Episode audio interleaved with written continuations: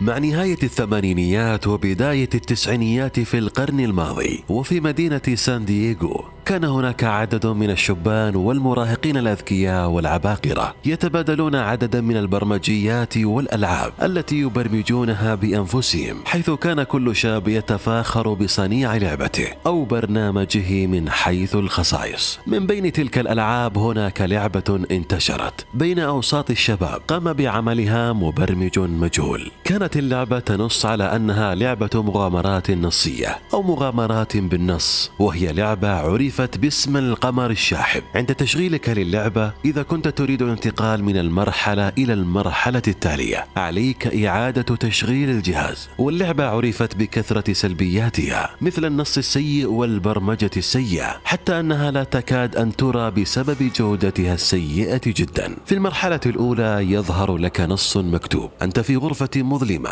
يشع ضوء القمر عليك من النافذة. هناك ذهب موجود بالزاوية مع مجرفة وحبل هناك باب موجود ناحية الشرق. أغلب من لعب اللعبة سرعان ما مل منها بسبب إعادة تشغيل الجهاز مرارا وتكرارا. لكن هناك شاب يدعى مايكل نيفنز تمكن من إكمال اللعبة للأخير ليكتشف ما هي نهايتها. حينما تعدى مايكل المرحلة الأولى وبدأ في المرحلة التالية ظهرت له رسالة مكتوبا بها. القمر الشاحب يبتسم لك. ابتسامة عريضة ليس هناك طريق القمر الشاحب يبتسم لك. ابتسامة عريضة الأرض الناعمة. القمر الشاحب يبتسم لك. ابتسامة عريضة هنا. وقد أخافت اللعبة مايكل نيفنز حين أعاد تشغيل الجهاز ووصل للمرحلة الثالثة. حيث ظهرت له مجموعة أرقام على ما تبدو أنها أحداثيات لمكان ما مع رسالة تهنئة على النحو التالي. نهنئك وهنا مجموعة لأرقام ألا وهي أحداثيات لمكان ما.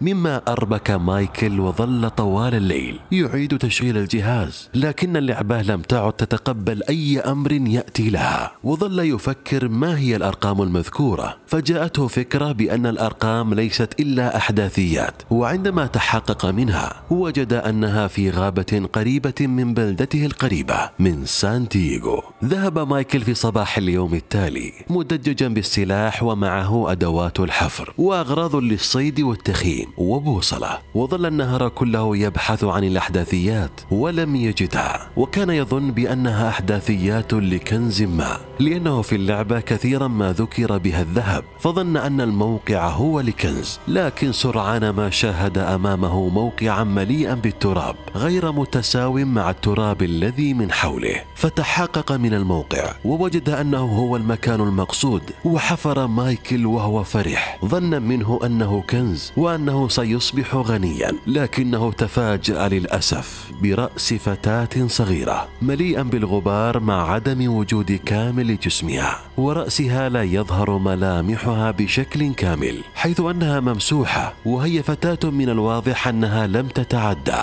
عمر الثالثة عشر سنة وعندها أبلغ السلطات الأمريكية. وبعد التحقيق اتضح بأن الفتاة هي كارين بولسن وهي فتاة تبلغ من العمر 11 سنة عند فقدانها. عندها قامت السلطات الأمريكية بعدة محاولات للبحث عن مبرمج اللعبة المجهولة لكن المحاولات باءت بالفشل وتم إقفال القضية وتقييدها ضد مجهول مع بدايات الألفية الجديدة.